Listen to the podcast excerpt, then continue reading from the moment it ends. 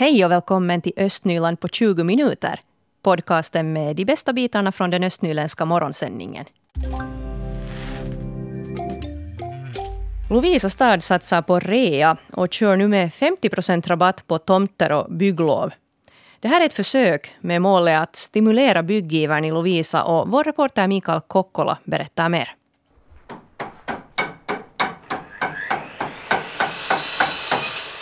Mer av det här ljudet önskar sig nu politikerna i Lovisa. För att eh, stimulera nybyggande av småhus har staden gått in för en hel del olika knep. Det handlar om stora rabatter.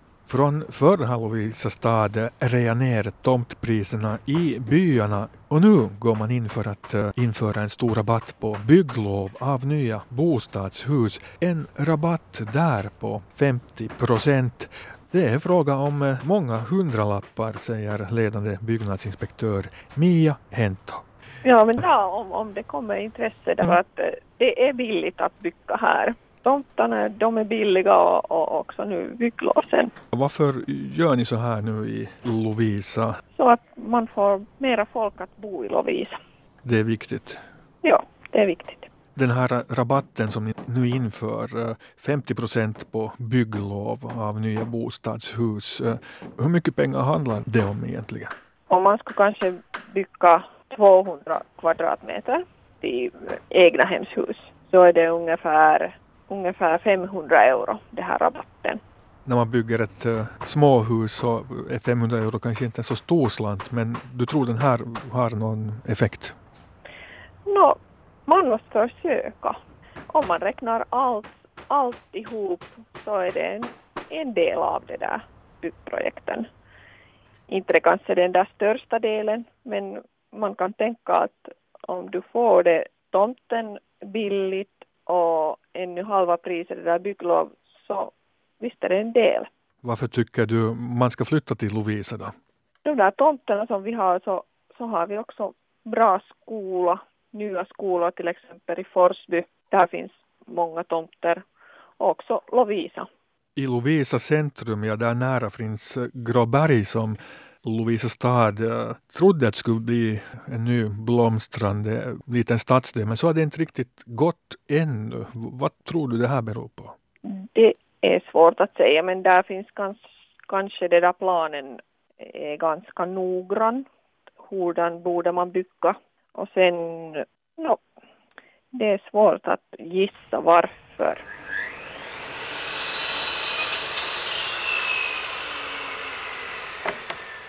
För att få den här rabatten på bygglovet så måste man då lämna in sin ansökan inom mars månad. Det här är ju ganska kort tidtabell för ett så här stort projekt, eller hur ser du på det? Nå, no, inte det på det där sättet kort. Mest bygger man sådana här färdiga hus och man behöver inte ha sån här detaljplanering på byggnaden före man ansöker bygglov till sådant färdigt pakethus som man mest bygger. Nu gick ni helt nyligen ut med er eh, Lovisa Rea här. Har du fått ta emot samtal redan som handlar om det här? Eh, det har varit två kontakt mm, till byggnadstillsynen. Men det där, jag vet att där är några som har redan läst det tidigare i, när de handlade det här, hela saken i, i det där december. Så det har varit liksom att, att man har kunnat veta det tidigare fast det är nu eh, förra veckan som det kom det här annonsen om saken. För tillfället finns det omkring 160 tomter som Lovisa stad nu vill sälja. De finns alla listade på nätet på en interaktiv karta.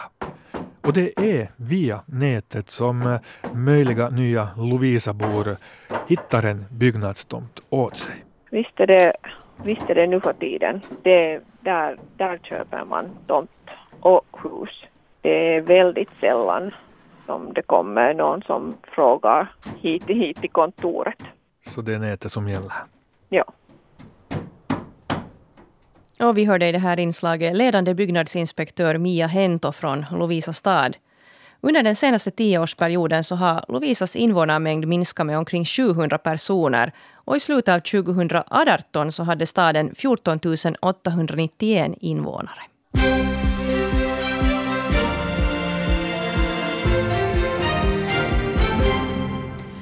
Klockan är halv åtta. Jag heter Helena von Aftan. God morgon.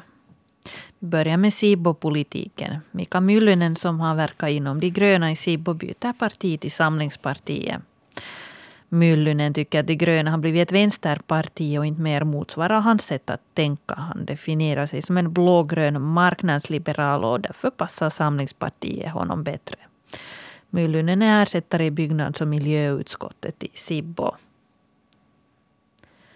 Planerna på att bygga nya hus i Borgå Energis gamla kvarter går framåt. Stadsstyrelsen behandlade detaljplanen igår. Målet med den nya detaljplanen är att skydda Borgå Energis gamla byggnad och göra kvarteret tätare med våningshus på upp till fyra våningar. Det ska finnas plats för både bostäder, affärer och kontor i Borgå Energis gamla kvarter. Och nästa steg är att stadsfullmäktige godkänner detaljplanen. Lappträsk har inte hittat en ny ordförande för kommunstyrelsen. Kristoffer Helfors från SFP ska sluta som ordförande eftersom han flyttat till Sibbo. Lappträsk kommunstyrelse behandlade hans avtjänstansökan på sitt möte igår. Till sin ersättare hittas få vice ordförande Mikko Salonen från Samlingspartiet sköta arbetet. Och de finska tidningarna Lovisan Sanomat, Uusimaa och Sipoon Sanomat har gjort ett treårigt avtal med posten för att kunna utveckla distributionen av papperstidningarna. Det skriver Lovisan Sanomat. De tre tidningarna hör till samma mediebolag sedan i somras, vilket har gjort avtalet möjligt. Cykel och gångvägen längs Medievägen i Fredsby och Lovisa ska få belysning som svar på en fullmäktigemotion om att hela cykelvägen längs Smedjevägen ska få ljus. Konstaterar stadsstyrelsen i Lovisa igår kväll att arbetena med belysningen börjar i vår. En del av Smedjevägen har tidigare varit belyst i experimentsyfte men trots goda erfarenheter hade projektet inte fullföljts för hela sträckan. Och Sibbo firar Topelius födelsedag idag med lokala författare och filmförevisning. Nio författare presenterar sina verk i huvudbiblioteket och kommunens kulturpris för 2019 delas ut. Zacharias Topelius föddes i Nykarleby men ägde hemmanet Björkudden i Östersund från 1879 framåt. Som vi berättade igår så är två Borgofotografer med och tävlar om att ha tagit årets bästa bröllopsbild. Det är Oskar Lindell och Anette Sundström som är med bland finalisterna. Och man kan rösta på sin favorit på HÄT-webbplatsen. Adressen dit är www.hat.fi. Hat alltså med två A. Och vi har nu Borgofotografen Anette Sundström här i studion. God morgon och välkommen. Tack, god morgon. Hur känns det nu för dig att för första gången ha kommit med här bland de här tio finalisterna efter att sammanlagt 165 bidrag, bidrag har skickats in här till tävlingen? Alltså det känns ju jättefint. Helt överraskande. Och ja, jag måste säga att jag har aldrig deltagit i någon tävling för proffs förut. Att nu har jag satt in några bilder för sån här, lite så här på skoj förut. Men att det här var nu helt första gången som jag rikt, riktad liksom, tävling för proffs. det känns nog helt bra, roligt. Ja, det var stor konkurrens där. Och din bild heter Onni on matka ei määrän pää. Alltså på svenska då att lyckan ligger i resan och inte i målet. Och den här bilden är fotad där vid gamla järnvägsstationen i Borgo. Hur kom du på idén till den här bilden? Det var nog mer en slump att det här brudparet kontaktade mig bara en vecka innan deras civilvigsel och det var en vardag och jag hade andra bokningar den dagen och det blev lite sådär att okej okay, att jag hinner, jag tar det på eftermiddagen och, och vi träffas någonstans. Och de hade önskemål att någon gammal, Gamla stan eller någon mysig bakgrund. Det var liksom ganska sådär fria händer nog. Och så bestämde vi att vi träffas där på tågstationen och, och så ser vi sen. Och de hade ju barnen med och ville ha lite familjebilder. Och, och så tog vi nu lite familjebilder där först och, och framifrån helt sådär traditionellt och poserade dem. Och, så barnen kanske inte var helt med på noterna där och de höll på en massa, som små pojkar gör. De springer lite runt och mamman och pappan blev lite kanske sådär att kom hit nu. Och sen så sa jag bara i något skede att men nu koncentrerar ni bara på, er, liksom på varandra, brudparet, och så gör barnen vad de gör och vänder gärna ryggarna hitåt. Och sen så råkade det nu bli en sån där bild att det var nog mera liksom slumpen då som gjorde att det var nog inte så jätteplanerad bild. Att vi hade kanske mer planerat sådana här framifrån bilder, traditionella, men Ja. så råkade den där bli ganska mysig sen.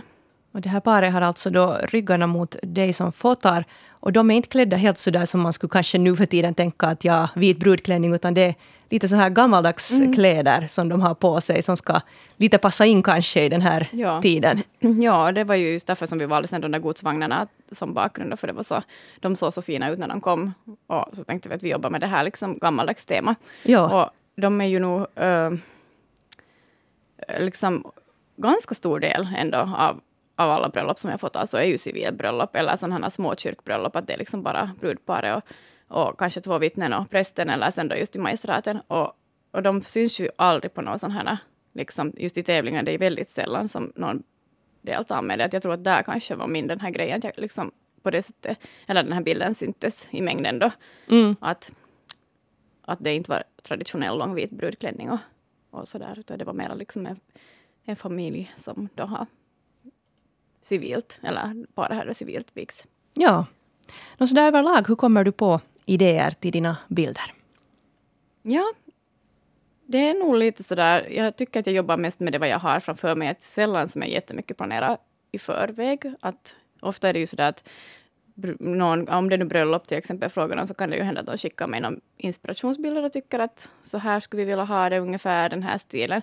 Men oftast så är det ju så att brudparet vill um, fotas före vigseln. Och det är då oftast sådär ett, två tiden på dagen eller tolv, ett tiden på dagen mitt på sommaren då som ljuset kommer rakt uppifrån och det är skarpt. Och så skickar de mig en, en inspirationsbild från en sen kväll i solnedgången som man sådär, mm, det kanske inte blir så, eller sen så ösregnar det. Det är ju liksom, Ja. vi, jag brukar inte jättemycket planera, att vi ser sen hur det blir. Och, och ofta är det ju sådär att, att om man har tänkt sig att vi tar foton vid stranden, så kan det ju hända att det är just det värsta ljuset vid stranden, och då går vi in i skogen. Att det är liksom hemskt sällan som vi planerar så i detalj på förväg. Att om nu någon har någon favoritplats så ja, vi går dit, men, men att det blir ju vad det blir då. Att vi måste ju liksom anpassa Ja, enligt väder och ljus och, och exakt. liksom sånt. Och när man fotograferar har man ju en hel del att tänka på där. Inte bara det att bilden ska bli skarp, utan också ljuset till exempel som du nämnde här. Hur länge kan det ta att fota en sån här perfekt bröllopsbild till exempel? No, perfekt och perfekt, det är lite sådär, det kanske nu inte aldrig blir så perfekt, men, men det där, jag brukar reservera en till en och en halv timme och, och det räcker helt bra och man får mycket bilder på den tiden nog, men att men sen just att de, oftast är det ju kanske då någon, en, två bilder som är sådana favoriter där bland dem. Sen att det brukar ju bli, bli just de som man inte har tänkt att, att blir bra, så blir sen bra tycker jag. Ja, Att det är nog så det brukar gå vi har alltså Anette Sundström här i studion som är Borgo-fotograf. Och du fotar ju inte bara bröllopsbilder som vi har pratat om här, utan också då till exempel barnfamiljer och, och företagsbilder och så här. Och i dagens läge finns det ju många som tycker om att fota och, och det finns en hel del teknik och folk har råd att köpa fotoutrustning. Och, och, och många är, är ganska bra och bjuder ut sina tjänster. Hur, hur gör man för att sticka ut ur mängden här? Ja, jag jobbar nog inte hårt på att sticka ut ur mängden. Att Det rullar på. Jag kör mitt eget race. Jag vet inte riktigt om man börjar jobba på det så måste man nog ha helt någon liten nisch då som man håller på med. Att många gör ju sån här fine art och liksom så här fantasy liksom och sånt. Men att jag gör inte alls sånt egentligen utan det är nog mer dokumentäriskt, eller dokumentariskt och, och kanske mer sådär lifestyle liksom om det är då barnfamiljer och, och sånt. Att ja, nej, jag sticker nog inte ut ur mängden på något sätt, tycker jag själv. Ja, men kunderna räcker till så det är ju bra. Ja, och ofta säger folk faktiskt att, att, liksom, att de gillar min stil och då blir jag ganska sådär förvånad för jag tycker inte själv att jag har någon stil men tydligen har man ändå sen någon, någon stil. Jag, Ja. jag gör så omväxlande så mycket olika saker. Jag tycker att det är jättesvårt att hålla någon stil. Att på vissa såna här Instagram-sidor ser man ju att det är en, en och samma färger hela tiden och det är en och samma liksom, så här belysning och sånt här. Men det gör jag inte alls. Så Nej, det är ganska underligt egentligen. Ja. Och till sist här ännu, Anette Sundström, har du något drömprojekt som du skulle någon dag hoppas på att fota? Nå, jag har ju börjat liksom som, som det där fotograf då egentligen via att, att börja fota nyfödda. Så någon gång tyckte jag att det skulle vara jättekult att fota femlingar. Okej. Men någon annan dröm har jag inte. Det är liksom det enda att jag skulle vilja placera dem i en hög ungefär. Vi får hoppas att någon får då så många barn. Precis, någon Borgåbo. Igår kväll så ordnade den regionala utvecklingsföreningen Silmo ett möte i Lovisa. Och det här mötet handlar om hurdana bidrag olika föreningar här i Östnyland kan få för att skaffa maskiner och redskap. Tina Kurki är kanslichef på Silmo, Silmo och så här berättar hon om hurdana ansökningar som blir beviljade. Alla små, till exempel luftvärmepumpar har varit väldigt populära inom många föreningslokaler för de är ju så pass dyra i uppdrift. Videokanoner, förstås om kylskåp eller någonting har gått sönder. Så om man skaffar ett, ett nytt kylskåp som då är lite mer energieffektivt eller någonting nytt i alla fall. Sen förstås små byggnadsprojekt om man behöver en brygga till simstranden i byn eller en terrass till föreningslokalen. Typ sådana investeringar så är vi helt redo att finansiera. Och vem är det som kan få de här bidragen? Det är föreningarna inom Silmos område som kan söka om det här. Också företag, om företag är villiga och ha en sån här, alltså som inte hör till deras normala verksamhet utan de vill bistå med en lekpark eller någonting i, i byn. Så då kan de också söka om, om stöd i, inom temaprojektet. Hur ska föreningar gå tillväga om de vill ansöka om ett sånt här bidrag? Ansökningstiden är nu öppen ända till sista mars. Ansökningsblanketterna finns på vår hemsida silmo.info både på finska och svenska och där finns också anvisningar och övriga blanketter som behövs. Så det här görs faktiskt som en pappersansökan. Och den går sen då att hämta en del till vår Borgå-kontor.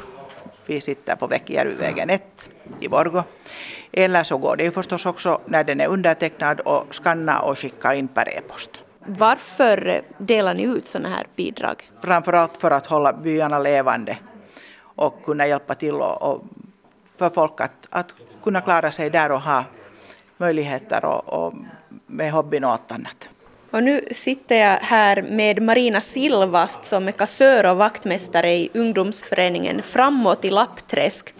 Och Marina, vad hoppas du att er förening ska kunna få bidrag för? Ja, det finns ju en massa, massa projekt som föreningen har behov av att, att genomföra vad gäller huset och det som vi nu ser fram emot att kunna få lite hjälpstöd med så det är en, en ramp så att, att eh, rullstolsburna personer kan komma in i lokalerna till exempel och sen också förbättra lite i vårt kök så att man kan använda det på ett, på ett bättre sätt än som vi gör nu.